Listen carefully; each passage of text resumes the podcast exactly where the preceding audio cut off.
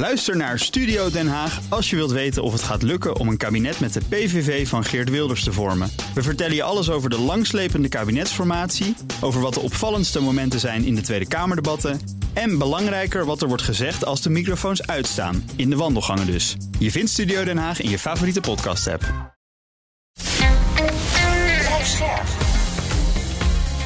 BNR Nieuwsradio. Napleiten. Wouter Laumans en Christian Vlokstra. En dan bel je de recherche op en dan vraag je eigenlijk, nou, waar gaat het over? En die zei toen, uh, ze hebben een uh, Canadese toerist ontvoerd voor een uh, paar weken. Want je zei net elf dagen, maar hij heeft elf dagen in die kast gezeten. En in totaal 15 dagen van zijn vrijheid beroofd geweest. Jezus. En dan ga je met die informatie richting het politiebureau.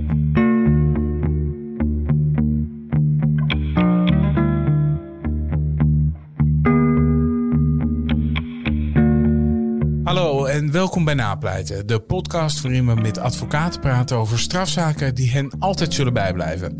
Mijn naam is Wouter Laumans en naast me zit mijn sidekick die juridisch een stuk beter onderlegd is dan ik, strafpleiter Christian Vlokstra. Welkom Chris. Dankjewel uh, Voorafgaand doen we altijd even eerst de spelregels. Uh, vaste luisteraars zullen ze kennen, maar diegenen die net inhaken wellicht niet. In deze podcast praten we over zaken die onherroepelijk zijn. Uh, we behandelen geen lopende strafzaken. En waarom doen we dat niet, Chris? Omdat, uh, kort gezegd, het feit dat zo'n zaak afgesloten is, iets meer ruimte geeft om op te stijgen, over zo'n zaak te vertellen.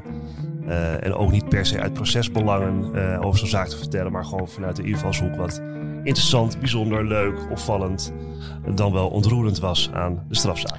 En daarnaast behandelen we ook geen zaken waar jij, of, uh, waar jij als advocaat of uh, iemand van jouw kantoor bij betrokken is geweest. Ja, uh, en dat doen we vooral uh, ter bescherming van jouw journalistieke integriteit. nee, ja. maar we gaan een beetje napleiten in deze, in deze podcast. Maar dat doe ik niet in mijn eigen zaken of in zaken die in mijn, of binnen mijn kantoor spelen.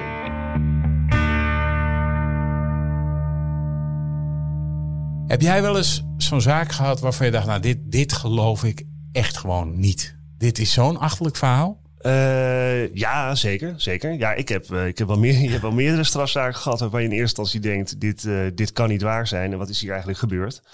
Um, maar het zijn wel bijzondere zaken, want de meeste strafzaken zijn wel redelijk inzichtelijk.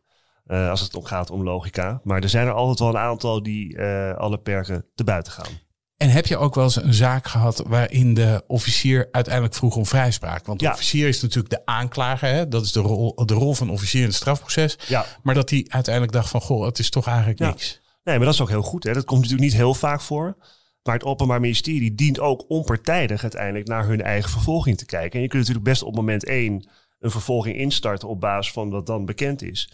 En op het einde tot de conclusie komen dat het onvoldoende is om tot een veroordeling te komen. En een officier uh, of een openbaar ministerie, moet ik zeggen, dat zijn taak of haar taak verstaat, uh, zal dat altijd moeten doen. Want het gaat om waarheidsvinding. Om waarheidsvinding. Ja. En het gaat niet om de veroordeling aan zich. Het gaat om dat de waarheid aan het licht wordt gebracht en dat op grond daarvan wordt bepaald of er sprake is van een strafbaar feit, et cetera, et cetera. De reden dat ik het vraag is omdat we vandaag zo'n zaak gaan bespreken. Het gaat over de zaak rondom Mike J. Alias de professor, heb ik me laten vertellen. Ah. Uh, en deze zaak is eigenlijk ja, het, is, het verhaal achter deze zaak is eigenlijk vrij bijzonder. Um, in juni 2013 meldt een Canadese toerist zich bij de politie. En hij zit dan onder het bloed. Uh, en hij vertelt een luguber verhaal. Hij verklaart dat hij na het uitgaan met twee mannen naar een woning is gegaan. Waar hij uh, twee uur iets heeft gedronken en ook heeft geschaakt. En daarna zou het zijn misgegaan. Hij is geslagen uh, en met tape op zijn mond in een kast gestopt. En vervolgens zegt hij dat hij elf dagen gegijzeld is geweest. Uh, en hij zou opgesloten zijn geweest in huizen in Almere en Amsterdam. En daarbij zou hij zijn vastgebonden, mishandeld zijn en in een kast gestopt zijn. En in totaal zou hij beroofd zijn van 25.000 euro. En een gijzeling van 11 dagen, dat lijkt me een serieus vergrijp. Bij ons de gast vandaag is Johan Muren, advocaat. Welkom. Welkom. Um, jij was destijds de advocaat van uh, een van de twee verdachten in deze zaak. Hè? Hoe, hoe viel die zaak op jouw bordje? Ja, ik uh, kende de desbetreffende cliënt al. Dus ik had er meerdere keer bij gestaan. En nu uh, werd hij aangehouden voor dit vergrijp. Althans, voor de verdenking van dit vergrijp. En toen vroeg hij om mij als advocaat. Ja, is dat normaal dat mensen vragen van, joh, heb jij dat ook wel eens? Dat je een vaste klant, zou ik maar zeggen? Ja. Of hoe moet ik dat zien? Kijk, we hebben het al eerder over gehad in eerdere uitzendingen. Je hebt de, de piketadvocaten die dienst hebben. Nou, dat hebben we al eens uitgelegd. Luister vooral terug. Eh, en daarnaast kunnen gewoon mensen hun eigen advocaat hebben. En die worden dan aangehouden, komen bij op het politiebureau. En dan vragen ze, heeft u een eigen advocaat? En dan zeggen ze, nou, ik wil graag meester Muren. Ja, Uit Volendam. Dat nee, is je de- ziet kantoor zit niet in Volendam. In Purmerend. In Purmerend. ja. Eh, en dan draaf je naar het politiebureau toe. En, en wat gebeurde er toen? Wat vertel eens. Nou, dan bel je eerst eigenlijk even de recherche. Want je krijgt eigenlijk alleen een melding met de naam van de cliënt en dan de verdenking daarop. En dan zie je gijzeling staan en een beroving. En dan denk je natuurlijk meteen van, zo, die kan nog wel eens een groot probleem hebben. En dan bel je de recherche op en dan vraag je eigenlijk aan de recherche, eh, nou, waar gaat het over? En die zei toen, eh, dat weet ik nog wel, van nou, eh, ze hebben een eh, Canadese toerist ontvoerd. Voor een paar weken, want je zei net eh, elf dagen. Maar hij heeft elf dagen in die kast gezeten. Oh, sorry, dat heb ik verkeerd begrepen. en in totaal 15 dagen van zijn vrijheid beroofd geweest. Jezus. En dan ga je met die informatie richting het politiebureau. Dus, dus jij hoorde, hij heeft 15 dagen vastgezeten en vervolgens rij je naar het politiebureau en dan denk je, eh, zo, die, heeft, eh, die zit in de penarie. Mag ik even een klein tussenvraag stellen? Zeker. Eh, vanuit mijn eh, perspectief natuurlijk. Want eh, het was een bestaande cliënt van jou. Je had hem al eerder bijgestaan. Eh, eh, was jij verrast, zeg maar, door... Ja, goed, het is sowieso natuurlijk wel een bijzonder feit. Hè? Een gijzeling ook wel. Maar was jij verrast door, door de aard van de verdenking? En ook wat die rechercheur natuurlijk tegen je zei? Dat je denkt, hé, hey, dat kan ik helemaal niet koppelen aan hoe ik mijn cliënt eigenlijk ken. Nee, dat inderdaad. Ja. en de eerste zaak waarin ik hem bijstond was een huiselijk geweldzaak. En nou ja, ik wil dat feit niet relativeren. maar dat is een feit van relatief geringe ernst. Heeft hij ook een taakstraf voor gekregen. En toen ineens na dit feit, toen dacht ik, oh zo, dat is, een, eh, dat is een behoorlijke sprong. Ja. Heb, heb jij ook wel eens in een, zo in een auto gezeten van, yo, als dit waar is, dan heeft mijn eh, cliënt eh, wel eh, een zware promotie gemaakt? Of, eh, Ja, of meer dat je dan verbaasd bent. Dat je denkt, hé, hey, die, heb ik, die heb ik misschien twee, drie jaar geleden heb ik die bijgestaan. Hè, bij een, een simpele diefstal of een geweldsdelict in het uitgaanscircuit. Het kan hè, van alles zijn. En dat je opeens dan de melding binnenkrijgt. En dat je opeens voor een heel heftig feit zit. Dan denk je, jezus, wat is hier eh, mogelijk Ja, en, gebeurd? En, en in dit geval is het ook een hele vrolijke, leuke cliënt van mij. Ja, Dus die, dus, die dus wel van iets heel serieus verdacht wordt op zo'n moment. Dus dat ja, kon- 15 dagen ontvoering klinkt wel eh, Niet heel gezellig. heftig. Ehm, du- dus dan ga jij, eh, zo, zoals dat eigenlijk, zo- zoals, dan, ga, dan ga je naar het bureau en dan ga je de, de schade opnemen. Of wat, wat, wat ga je dan doen? Nou, dan ga je voor het verhoor het gesprek aan met je cliënt. En dat is eigenlijk het eerste gesprek dat je hebt. En wat ik zelf altijd probeer als advocaat, is dat ik dat gesprek ook wat luchtig houd. Want het is natuurlijk al zwaar zat voor zo'n cliënt. En dan begin ik ook meteen van, zo, eh kan deze toerist ontvoerd eh, een dag of 15? En wat En dan- en- toen? Zeg je, nee, het zit heel anders. Oké, want eh, op papier lijkt dit vrij kansloos allemaal. Hè? Iemand heeft eh, jouw cliënt aangewezen, toch? Dat is... Nou, dat, dat die Canadees in contact met mijn cliënt was geweest, stond vast. Eh, die Canadees heeft ook de kast waarin hij zat omschreven. En hij zei, er is in de tussentijd geld van mijn rekening gepind. En daar stond mijn cliënt op de camerabeelden. Dus dat was in het begin een, eh, nou, een moeilijke casus. Misschien dat we even één klein, want het is natuurlijk wel interessant altijd. En ik weet dat jij dat ook interessant vindt, Wouter. Hè? Dat eerst contact met een cliënt eigenlijk. Eh, want de, ja, de, de recherche had natuurlijk wel iets jou verteld. Hè? Van nou, dit is ongeveer aan de hand. Ehm, nou, je ziet je cliënt, je haalt het luchtig. Zeg je, nou, dat is eh, een, een strategie die, eh, hè, die, die kennelijk bij jou past. Ehm, eh, heeft hij toen meteen aan jou verteld ja, wat er gaande was? Want je wist eigenlijk ook niet wat er precies aan de hand was. Want je had alleen maar dat verhaal van die recherche. Ja, kijk, je hebt, natuurlijk twee manieren waarop je zo'n bespreking kan, eh, kan doen. Of je vraagt aan de cliënt wat er eh, echt gebeurd is en hij komt eh, met het verhaal. Ja. Ehm, of je gaat uiteindelijk ehm, bekijk je bij een paar dagen later krijg je het dossier en dan ga je aan de hand van het dossier samen met cliënt zitten. Ja. En hij, hij zegt, nee, het zit anders en daar kom ik zo wel even over te spreken. En hij is niet ontvoerd, maar hij heeft een toptijd met ons gehad. Ja. en Dat is toen- nog wel diametraal iets anders dan ontvoerd. Ja, Nee, dat, is, eh, dat is zeker wat anders. Maar dan krijg je een gesprek met de cliënt. En dan zegt hij dat het anders zit. Ja, en dan twijfel je ook En- al een klein beetje aan dat verhaal van cliënt. Even, Hey, was dat, dat was gewoon gelijk toen op het politiebureau. Hij heeft je verteld, het zit helemaal anders. En jij dacht, ja, ja. Ja, eh, kijk, je vertrouwt je cliënten, hoe goed je ze ook kent, niet altijd 100%. Dus eh, dan geef je ook het advies, dat heb ik toen ook gegeven, van nou lijkt me beter dat je jouw verhaal nog even niet vertelt. Want ik wil eerst even het dossier zien. Ja. Wat had jij gedaan in deze? Ja, dat is heel moeilijk. Uh, dat, dat kun je eigenlijk niet zeggen over een zaak die je zelf niet gedraaid hebt. Omdat, kijk, je kent die cliënt niet. Hè, is wat, wat, wat, uh, wat Johan ook zegt. Um, je weet niet zeker of je een cliënt kunt vertrouwen. Hè? En, de, en als je een cliënt heel goed kent en die zegt tegen mij: Ja, maar Chris, weet je, het zit zo en zo en zo, vertrouw me, het zit zo. En hij heeft er een belang bij om eigenlijk zo snel mogelijk die verklaring af te leggen bij de politie. Dan zou ik zeggen, oké, weet je, go, go, go, go, go. Maar als ik een beetje zelf ook twijfels heb en denk, nou, weet je, er zitten wel een paar gekke dingen in en laten we maar even afwachten. Dan kan het een, een, een hele verstandige keuze of advies zijn. Van nou, hou de kaarten even tegen de borst. borst en wacht ook eens zo'n eerste verhoor af. He, wat, wat, wat brengen ze eigenlijk bij zo'n eerste verhoor? Uh, misschien geeft dat ook ons wat meer duidelijkheid en kunnen we aan de hand daarvan kijken. Ja. Hey, wat is de schade en wat is jouw verhaal? Ja, want bij de politie zullen ze altijd zeggen, neem ik aan, hè, eh, of uh, zeg maar aan de andere kant van de tafel zullen ze altijd, je vertel gewoon jouw verhaal. En dat is dan het meest pure verhaal wat je eigenlijk in zo'n onderzoek krijgt. Hè. Dus ik snap dat de politie er dan op aandenkt, joh, als, als het helemaal anders zit, waarom vertel je dat niet? Hè? En in, ik heb ook wel eens meegemaakt dat bijvoorbeeld later in rechtszaak van ja, hij heeft keurig gewacht tot er een heel dossier lag. Was dat nou in deze zaak ook zo? Of, of is, behoeft dat nou een beetje nuancering?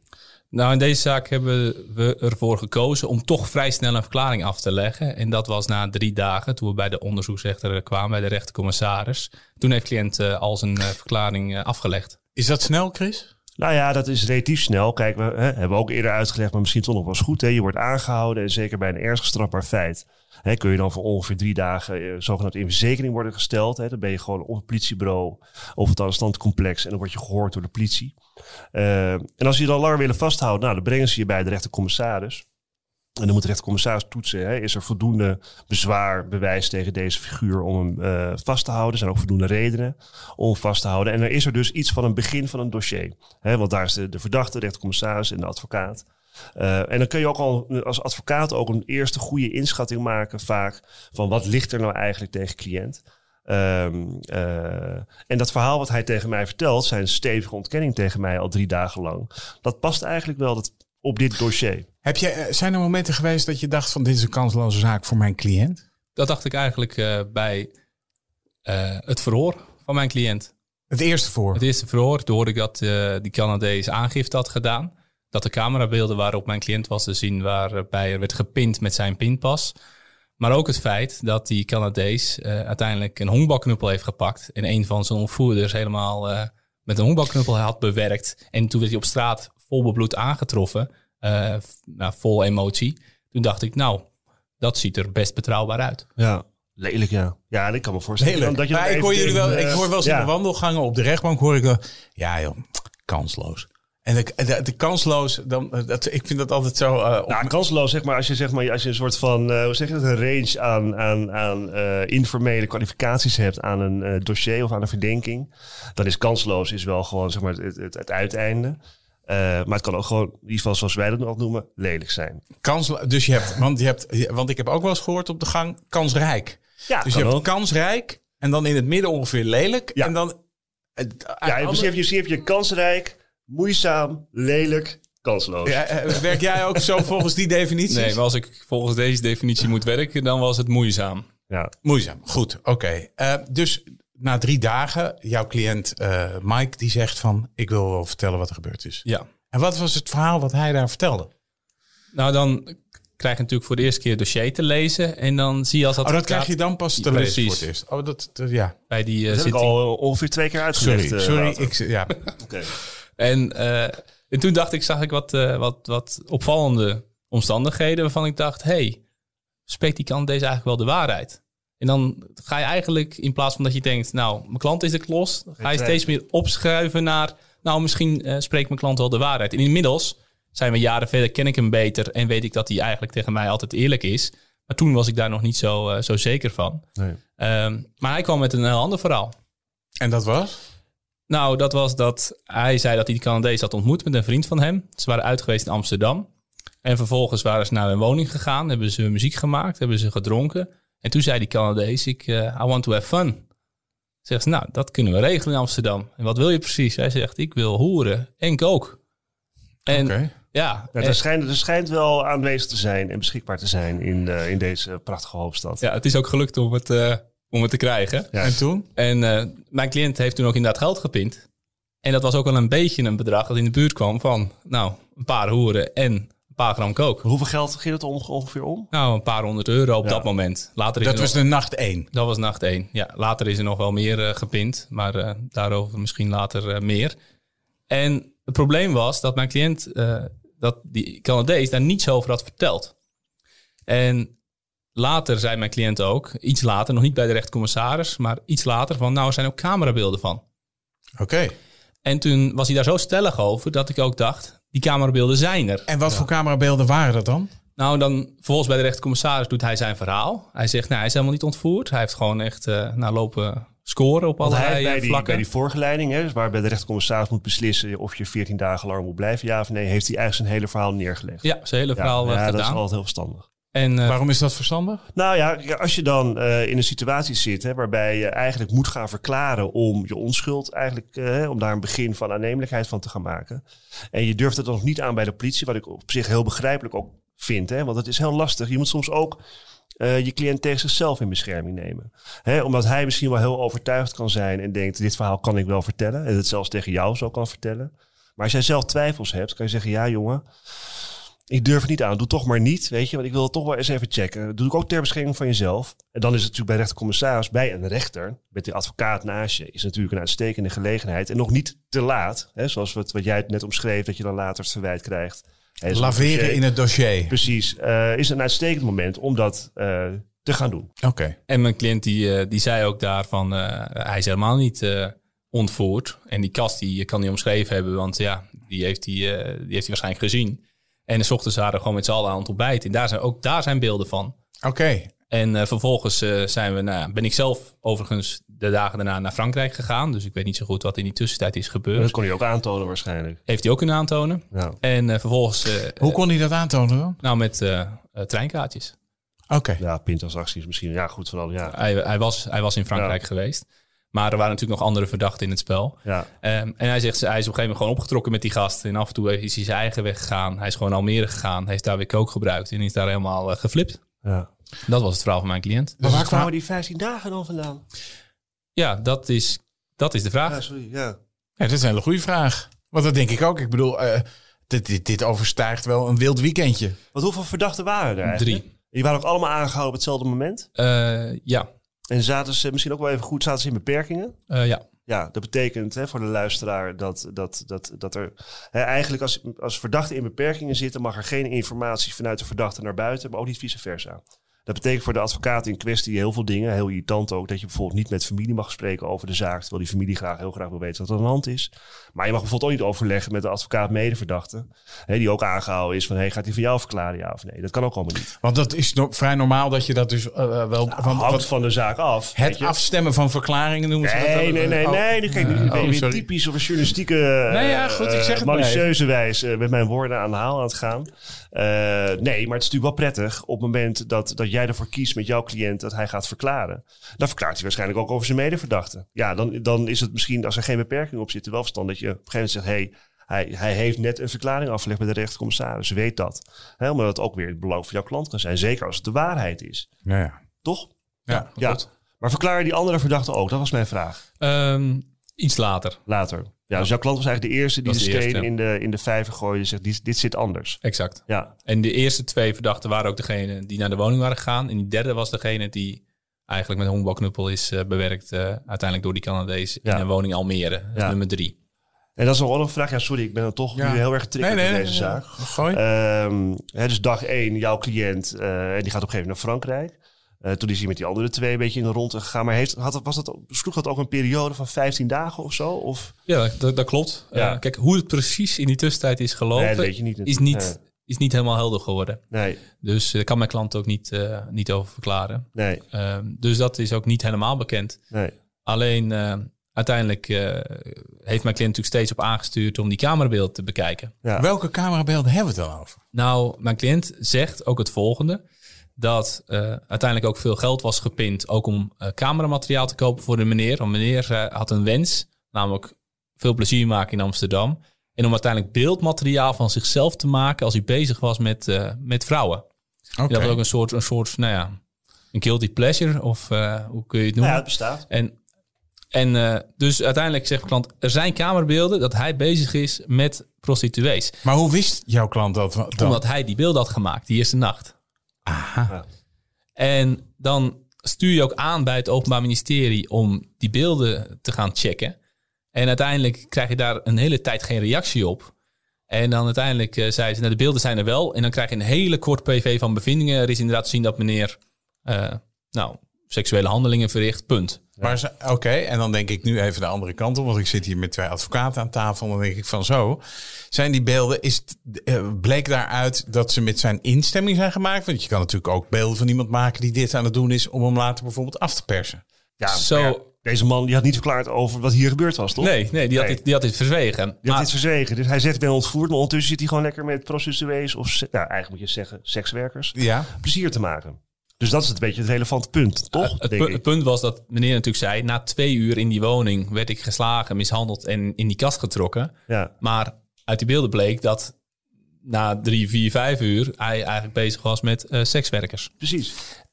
En ook, en ook in de ochtend eh, waren ze aan het ontbijten, was hij ook gewoon op te zien. En daar waren ook nog beelden van gemaakt. Van, ook, ook daar beelden van gemaakt. Ja. En eh, had hij het over hoe geweldig hij het vond. En, Oké. En op het moment dat die sekswerkers nog waren, zei hij nog tegen die sekswerkers: eh, That was fun, right? Oh, dat was 's ochtends vroeg. Dus het Ja, was, ja. ze hadden echt een wilde nacht gehad. Ja, goed. En- En, oké, dus, dan zou, dus dan zou je zeggen... Dan gaan we nu, nou, dan gaan we nu eens vragen aan die Canadese meneer hoe dat nou precies zit. Zeker. Nou, eerst ben ik nog die beelden gaan bekijken. Ja, precies. Ja. En daar was alles in volle glorie op te zien. Nou, dan ga je dus eh, naar het eh, politiebureau in Almere. Met de gedachte van, nou, nu gaan we het eh, beleven. Ja. En dan eh, in de groepsapp eh, met kantoor, eh, ja, dan worden natuurlijk allemaal grapjes gemaakt. Echt waar? Ja, zeker. Van, Johan, gaat, Johan gaat even seksfilmpjes kijken. ja, ja, of ik hoop wel dat je alleen zit. En, ja, ja, ja. Och, jeetje, ja, zoiets. Oké. en dat, Ja. soort, dat soort grapjes. En, dus nou, dan kom je het bureau aan. En dan inderdaad ga je daar in de kamer zitten op het politiebureau. En dan worden die beelden afgespeeld. En daar, dat was inderdaad, nou, hoe zal ik het zeggen? Expliciet. nou, daar kon de, de penthouse wel een puntje aan zuigen, ja. Oké, oké. Maar goed, kijk, op zichzelf waren natuurlijk, was het, het feit wat hij daar op die beelden doet niet zo relevant. Eh eh, eh, althans voor de strafzaak dan niet.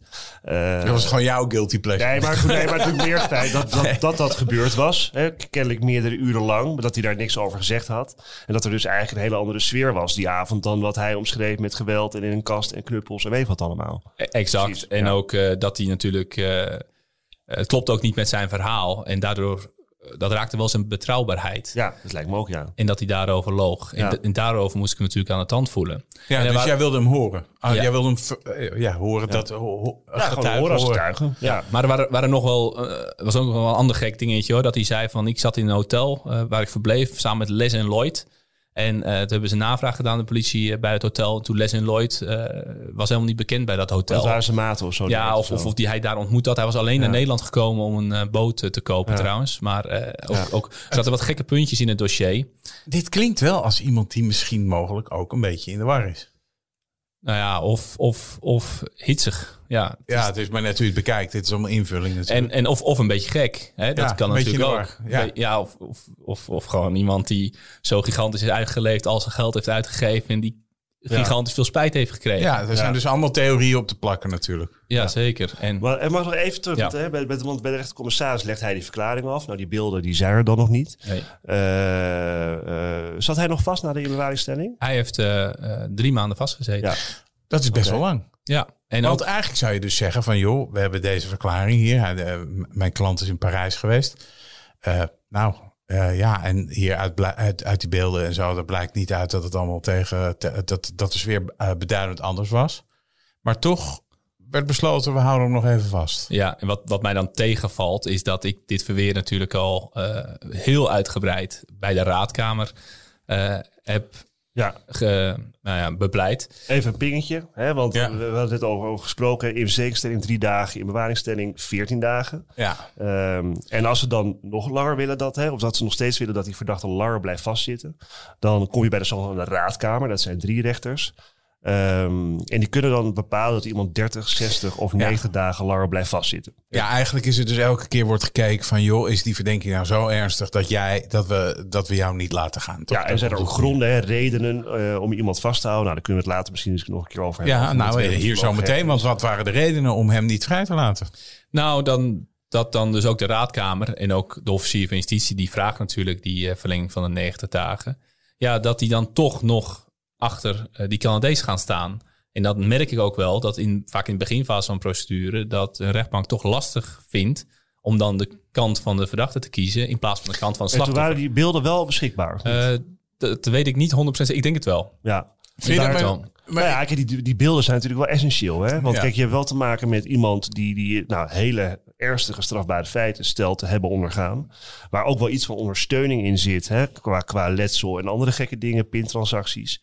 Ehm, eh, en je hebt natuurlijk de ontkenningen van de verdachten die daar een ander verhaal tegenaan leggen. Maar als daar geen. Kijk, die, die beelden die kunnen dan de doorslag geven. Hè? Die, in, in hun voordeel. Ja. Is het, Ehm, maar vind je het, ik bedoel, ik zit hier met twee advocaten, dus dat snap ik wel. Maar vind je het begrijpelijk? Ik vind het ergens wel begrijpelijk dat, zo'n, dat, dat er wel zwaar getornd wordt aan zo'n beschuldiging. Maar je kunt ook omdraaien. Je kunt ook natuurlijk de verdachte vrijlaten en later kijken of je het eh, bewezen acht eh, Ja. of niet als rechtbank. Het is natuurlijk een risico om iemand 90 dagen te laten vastzitten met het risico dat iemand wordt vrijgesproken. Want kijk, vergeet ook niet, hè, die voorlopige hechtenis is er niet voor om de ernst van het feit uit te drukken. Nee, om al een beetje te straffen bedoel je? Nee, dat je gewoon, het, is, het moet wel, eh, hè, het is allemaal in het belang van het onderzoek. En er moeten bezwaren zijn. En er moeten echt stevige redenen zijn qua hè, herhalingsgevaar. Of het moet een dusdanig schokkend feit zijn hè, dat je iemand niet los kunt laten. Eh, onderzoeksbelang. Ehm, maar wat, was dan hier de, wat waren dan hier de afwegingen ja, om, om hem toch binnen te houden? Nou, ten eerste geloofde zij op dat moment nog de, de aangever, de, de Ja. Canadese toerist. Dus dan qua bewijs vond de rechtbank dat dat er nog wel was op dat moment. En eh, wat de rechtbank ook deed qua gronden was eh 12 grond. ja. Eh, dat klopte niet. Dat klopte wel natuurlijk met de diefstal met geweld. Omdat natuurlijk Ja. Het geweld was gepleegd. Wat is 12 jaar grond? Jongens, 12 want dit is lingo. Dit is lingo. Ja, goed, we komen dan toch op de voorlopige hechtenis. Ja. Kijk, ik ga het toch maar heel kort even uitleggen. Voorlopige hechtenis, hè, dus als iemand vast moet blijven zitten voordat hij veroordeeld is. eh er moeten dus ernstig bezwaren zijn. Hè, dus er moet, er moet voldoende bewijs zijn voor de beschuldigingen die er zijn, althans voorlopig. En er moeten redenen zijn, gronden. Dat kan kort gezegd zijn de zogenaamde 12-jaarsgrond. Dat betekent als je vastzit voor een feit waar 12 jaar of meer op staat. Dus in, de, in de wet, ja. Dan, is de, dan is eigenlijk de veronderstelling... De, de maatschappij is dusdanig geschokt door de ernst van dit feit. En dat is een reden om je, om je vast te houden, heel simpel gezegd. Eh, herhalingsgevaar, dus dat, dat, dat wordt overwogen. We kunnen u al vrijlaten, maar de, het gevaar op herhaling is te groot. En onderzoeksbelang. Hè, dus de, de, de, de, het belang van het onderzoek vereist dat u vast blijft zitten. Want als u niet vastzit, dan kunt u wellicht het onderzoek... of dan is er een groot risico dat u dat onderzoek gaat verstoren. Daar komt het eigenlijk kort gezegd op neer. En deze meneer zat dus vast op de zogenaamde 12-jaarsgrond en de onderzoeksgrond. en de onderzoeksgrond. Oké. Dus het werd de hoogste tijd dat jij de aangever aan de tand ging voelen. Hè? Juist. Is, dat altijd, is dat een moment waar je je als advocaat eh, op verheugt? Nou ja, zeker. Zeker in deze zaak. Omdat ik hier natuurlijk heel veel aanwijzingen had dat die aangever niet naar waarheid had verklaard. En dan heb je eigenlijk ook wel zin in om diegene te horen. Ja, dat kan Ik- smullen worden. Ja, ik had natuurlijk dat, dat filmpje, ja, is natuurlijk, die had ik natuurlijk achter de hand. Ja. En ik wist natuurlijk helemaal niet of hij wist dat dat er, dat, dat, dat er was. Waarschijnlijk wel, omdat hij dat natuurlijk volgens mijn cliënt graag wilde. Ehm, en ik wilde heel graag weten waarom, waarom hij er niks over had gezegd. Ja, wij als journalisten, wij proberen wel eens zo'n interview in te gaan dat je iemand in, eh, dat je wat valletjes zet. Hè? Van tevoren dat je denkt, nou, als, hij dit vraagt, als je dit vraagt, dan gaat hij dat antwoorden en dan heb ik deze. En dan weet je wel dat je een soort iemand een paadje probeert op te duwen, waar hij uiteindelijk eh met dogeloos vanaf zal glibberen. Eh, gaat dat bij zo'n verhoor ook, ook zo? Of is dat, is, werkt dat niet zo? Hoe, hoe moet ik dat zien? Jawel. Dus dat, nou ja, kijk, het is meer dat je eigenlijk de eerder afgelegde verklaringen toetst. Ja. Dus eh, in feite stel je daar vragen over en dan kijk je eerst wat het antwoord is. En dan ga je vervolgens beoordelen of je verder gaat vragen of niet. Dat is al een soort Perry Mason moment, hè? Dat is van, eh, joh, je, was wel in de, je was daar wel en je verklaart niet naar waarheid. Of is, of is dat toch eigenlijk, heb ik, heb ik me nu gewoon in de luren laten leggen door al die films? Ja, nou ja, het is, het is, het is, films zijn natuurlijk films. Ja. Eh, soms gaat het wel bij getuigenverhoren die kant op. Maar, Kan het eh, knetteren in die kamers? Eh, heb je wel eens het kan, knetteren? natuurlijk, het kan natuurlijk knetteren, maar het hangt, weet je, het, hangt helemaal van de getuige af. Eh, wat voor type getuige het is, waarover de getuige überhaupt moet verklaren, hoeveel ruimte die krijgt van de rechtercommissaris. Kijk, je kunt niet eventjes een hele dag een getuige horen, hè? zo werkt het niet. Oké, Dus, dus eh, ja, niet eindeloos grillen. Nou ja, dat kan natuurlijk wel als je daar goede redenen voor hebt. Maar dan moet je dat van tevoren wel Ja. bespreken. Maar het is niet dat je nou eh, bij de rechtercommissaris zeker niet eh, de ruimte krijgt om eindeloos eh, eh, zo'n zo'n meneer, zeg maar, een, Ja. een, zo'n paadje op te sturen zoals jij dat net omschrijft. ja. Eh, dat hangt er een beetje vanaf. maar je hebt al een plan. Nou, En een van mijn eerste vragen zou natuurlijk zijn: hoe lang bent u in die woning geweest? eh, eh, voordat u bent, bent u in de kast gestopt? Eh, Ja. ja. hoe lang bent u in de woning geweest voordat u in de kast bent gestopt? Zegt twee uur. Dan zeg ik, eh, ja, eh, oké, dat is interessant. ja. Eh, Want ik heb hier... heb, hebt, u nog, hebt u nog drugs gebruikt? Eh, hebt Ja. u misschien nog eh, vrouwen ontmoet? Ja. Ja, en als meneer daar natuurlijk allemaal nee op zegt, ja, dan heb ik natuurlijk hem eh, keihard eh, te pakken. Ja. Eh, Was dit, kon, kon je dit verhoor al plaatsvinden, zeg maar, in die drie maanden eh, dat hij vast zat? of Nee, hij was eh, meteen naar eh, Canada vertrokken. Ja, Ah, En dus dat was wel een probleem. ja. en toen? En vervolgens is er, eh, nou, zijn er rechtshulpverzoeken gegaan naar eh, Canada. Want het belang om de getuige te horen was natuurlijk eh, groot. En met name omdat hij eigenlijk het enige echte belastende bewijsmiddel was tegen mijn cliënt. En er was eigenlijk vrij weinig steun voor, de, voor zijn verklaring. Behalve dan dat het klopte dat er twee woningen waren en dat, die, dat er een kast was, et cetera. Maar eigenlijk geen enkele getuige of uit geen enkel technisch bewijsmiddel bleek dat, dat, dat dit was gebeurd. Dus om hem, om zijn eerder afgelegde verklaring te kunnen toetsen, ja, moest ik hem natuurlijk wel oproepen als eh, getuige. En heeft je klant al die, al die tijd vastgezeten? Die heeft drie maanden vastgezeten Oh, die is er wel uitgegaan Ja, bij de eerste eh, zitting. bij de proforma zitting. Ja. Eh, op grond van die beelden ook. Die waren Ja, toen zeker. ja. En toen Ja. heeft de rechtbank al gezegd van nou ja, eh, het was een beetje een, een soort warrige, eh, nou niet een warrige uitspraak, maar een beetje een dubbelzinnige uitspraak van de rechtbank. Dat Dat was zeiden rechtbank van, Nederstad, of niet? Ja. Ja, nee, oké. Nee. Nee, grapje, rechtbank maar, maar, maar, maar, ze wilden niet Nee, echt- jullie zitten nu, hebben, hebben hier een onderonsje. De rechtbank Lelystad Nou, jij het- zit ook te, te lachen. Want Nee, wat is er met de rechtbank nee, ik, moet, ik moet er binnenkort nog heen, dus eh, Ja, ik zeg er helemaal niets over. Nee hoor. jullie zitten nu als twee ondeugende schooljongens naar, je schoenen te kijken. Ja, sorry. ik Maar, heb eh, het idee dat er wel wat, zit. De, goed. nou, de rechtbank die, die zei eigenlijk dat ze vanwege ontbreken van ernstige bezwaren en gronden, wat eh, Chris net eh, eh, uitgelegd heeft, de voorlopige hechtenis hebben opgeheven. Dus Ja. het voorarrest werd beëindigd. Maar dat deden ze een beetje tactisch en snel, want ze wilden niet echt heel erg in hun kaart laten kijken waarom. Mhm. Dus ze lieten het een beetje in het midden. Ook, ook omdat ze dan later misschien nog andere kanten op zouden kunnen. Nee, kijk, mijn opmerking net, ik bedoel het niet omdat ik bang ben voor de rechtbank Zwolle Lelystad hoor, want die beoordeelt elke zaak eh, op zijn merites ook als eh, ik daar sta. Eh, en ondanks wat ik hier vandaag zeg, het was echt een grapje. Ik bedoel, kijk, het kan natuurlijk goed zijn dat de rechtbank, het is voor een rechtbank natuurlijk een tussentijdse beslissing en dat werkt natuurlijk twee kanten op naar, naar de verdachte. Je kunt niet tegen verdachte zeggen, ik denk dat u het gedaan heeft. Maar dat werkt in feite natuurlijk ook naar het Openbaar Ministerie zo. Ze kunnen ook niet zeggen, we spreken deze verdachte eigenlijk bij voorbaat vrij, want dan kunnen ze ook gevraagd worden. Dus je moet in zo'n beslissing eh, als rechtbank altijd daar, hè, dat in oog houden dat het definitieve oordeel nog moet volgen. Ja, wat mij opvalt, want eh, eh, voorafgaand aan deze zaak denk ik, ik ken die hele zaak niet. En dit, dit had ik toch wel, dit was me toch wel opgevallen. Er is amper media-aandacht voor deze zaak geweest. Ja, en dat was ook wel beter. Nou. Daar was jij wel blij mee. Daar was ik eigenlijk wel blij mee. Ja, ja want als eh, de Telegraaf of een andere krant die lucht van krijgt, ja, die, die kop al meteen natuurlijk eh, Ja. dit in. En Ja. die Canadese toerist ontvoerd met, eh, met hoofdletters. Ja. En dan, eh, dat zou misschien niet in het voordeel van, eh, van de cliënt kunnen zijn. Nou, nog los van de, van, de, van, de, van de maatschappelijke schade die zo'n cliënt dan oploopt. Hè, want die is toch wel herleidbaar. Dan wordt hij wel Mike G, Mike G genoemd. Maar ja, je bent al veroordeeld half natuurlijk door de media. Of althans niet door de media. Kijk, Nou, het is, nou, het is ja, meer... we- we- we nou, laat ik het, oh, nee, maar laat ik het anders zeggen. Niet door de media, maar kijk, het is meer eh, door de mensen die de media lezen. Dat, dat is het eigenlijk. The public has the right to know, zeggen we dan. Maar goed, Precies. ik, eh, ik, En to judge. Dus dat is, eh, maar dat is ook wat er gebeurt. Eh, en daarom kan ik me goed voorstellen in zo'n zaak. eh, dat je denkt, nou weet je, eh, hoe minder media, hoe beter. ja. Want, want de verdachte kwam wel vrij na drie maanden. Ja, En als dat gebeurt met heel veel media in de zaal, dan Ja. kan dat tot publieke verontwaardiging leiden. Want om technisch uit te leggen waarom dat gebeurt, dat is nogal lastig. Ja. Ja. ja. Heb je hem uiteindelijk kunnen horen? Uh, nee. Helemaal nooit? Nee. En uh, er is wel veel contact geweest tussen Nederland en Canada. En ook uh, was er kennelijk contact tussen Nederland en zijn advocaat. Maar uiteindelijk is er, zijn er echt heel veel pogingen ondernomen. Maar hij is uiteindelijk uh, niet gehoord. En, maar ze konden hem niet vinden? Of wat, wat was het probleem dan? Nou, in het begin konden ze hem wel vinden. En er was er wel contact. Maar op een gegeven moment kwamen ze niet meer verder. Nee. Heb je dat wel eens meegemaakt? Ja, dat komt regelmatig voor. Oh ja, dat, dat klinkt dat, heel bijzonder. Uh, dat, dat, je gewoon iemand getuigen niet, of een ja, aangever nee, niet kan vinden. Nou, kijk, een, een, aangever in zo'n zaak, dat is wel raar. Of dat, dat is wel bijzonder. Maar dat getuigen die te vinden zijn, dat komt wel met grote regelmaat voor. Uh, maar ja, hij is de belangrijkste getuige in zijn eigen zaak, zeg maar, deze, deze aangever. Dus dat is wel bijzonder dat hij dan niet uh, vindbaar is, of dat niet beschikbaar is. En had dat invloed op het verdere verloop van de zaak? Ja, het was heel gunstig dat hij, uh, dat hij niet meer uh, kwam opdagen. En je had net daarvoor, nou niet heel lang daarvoor, had je nieuwe jurisprudentie, nieuwe rechtspraak. De Fitchin-jurisprudentie. Um, en dat betekent dat, ja, ik zie al, ik zie al moeilijk, ik zie al moeilijk kijken, ja. Wouter.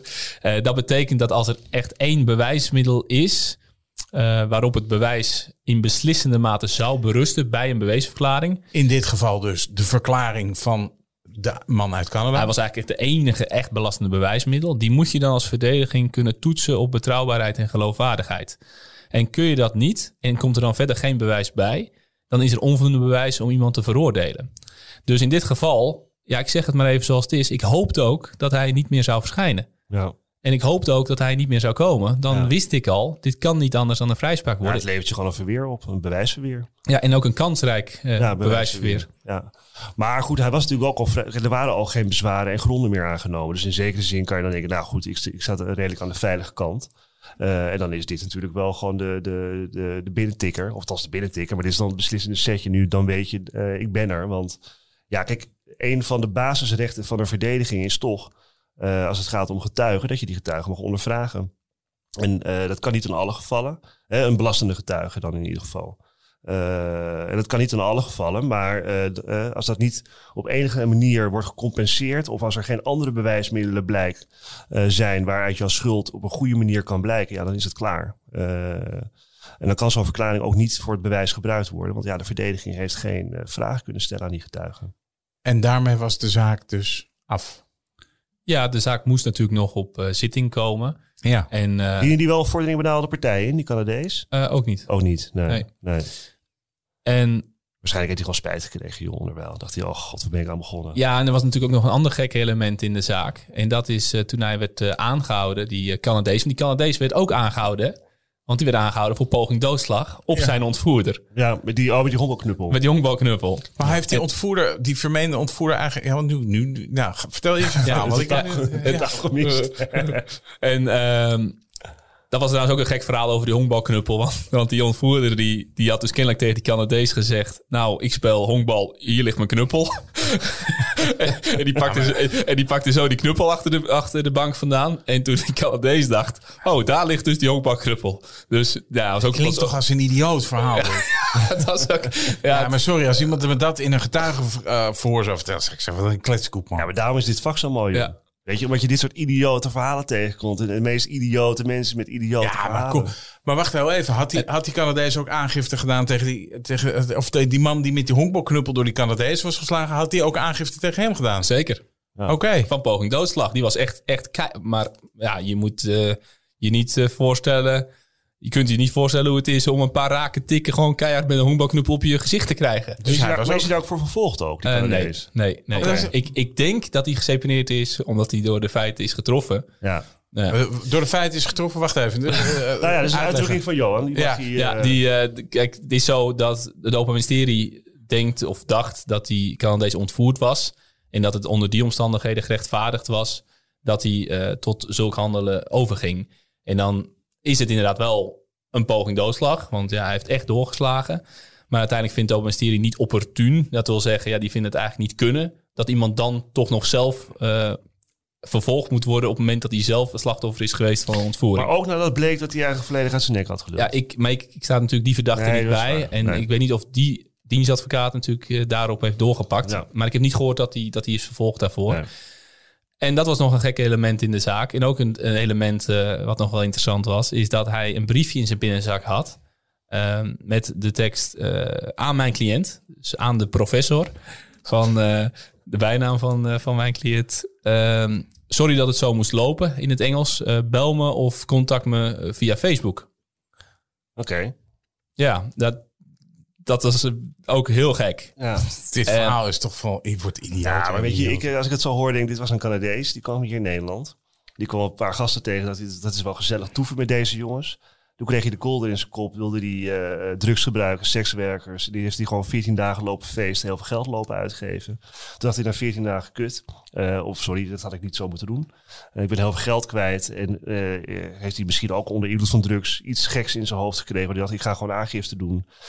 Toen is het hele gebeuren gaan, uh, gaan lopen. Toen kreeg je op een gegeven moment wel door. Want kijk, politie maar dit is totale Maar dit is totale invulling. Dit is totaal. Want er, ja. ik kan, ik kan uh, van alles nog bedenken. Ik kan ook een, een, een, verhaal bedenken wat diametraal anders is. Ja, die eerste dag was het wel gezellig en daarna niet meer. Dat ja, maar dan verklaar je dat toch? Waarom, waarom verklaart hij dan over 15 dagen in de kast zitten? Of 11 dagen in de kast zitten? Het is nogal wat, hè? 11 dagen in de kast. maar, maar deze, deze samenvatting van Chris, dat was eigenlijk mijn pleidooi in een ja. in een hele mooie ja. notendop. En dit was mijn oordeel. en, en Oké, en dus we gaan dan uh, op zitting. En de officier van justitie zegt: joh, ik uh, vraag om vrijspraak. Ja.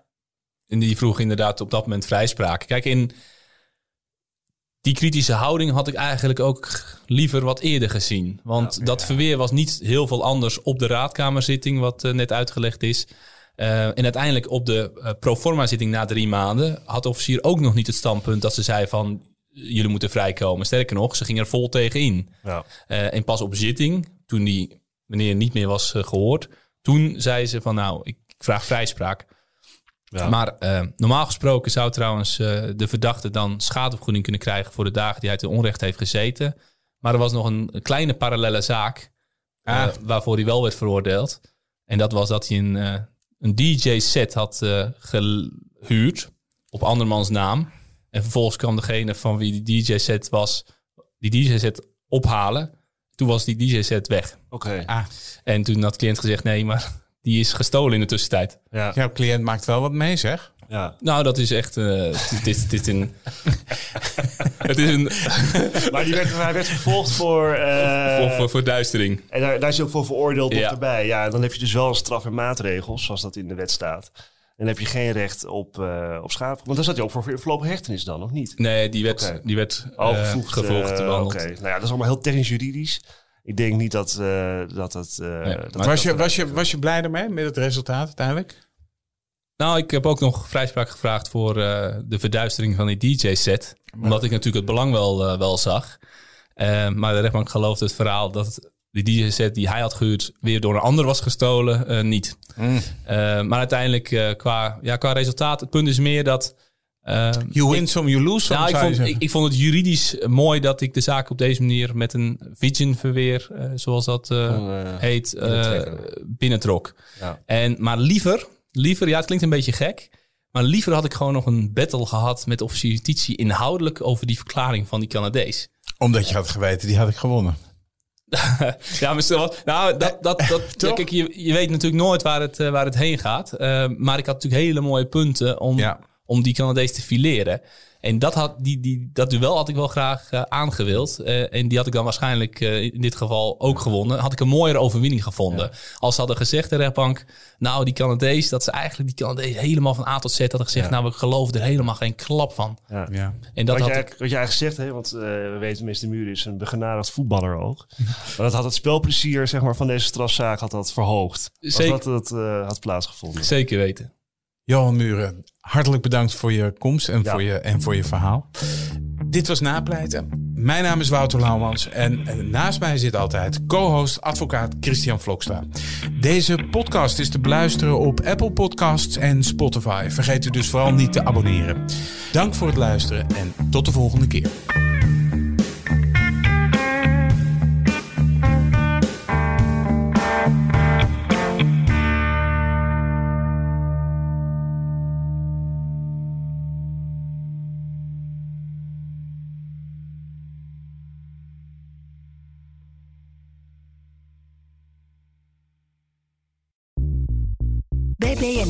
Altijd als eerste op de hoogte van het laatste nieuws. Luister dagelijks live via internet. Bas van Werven. En heel langzaam komt de zon op rond dit tijdstip. Je krijgt inzicht in de dag die komt op BNR, het Binnenhof in Nederland en de rest van de wereld. De Ochtendspits. Voor de beste start van je werkdag. Blijf scherp en mis niets.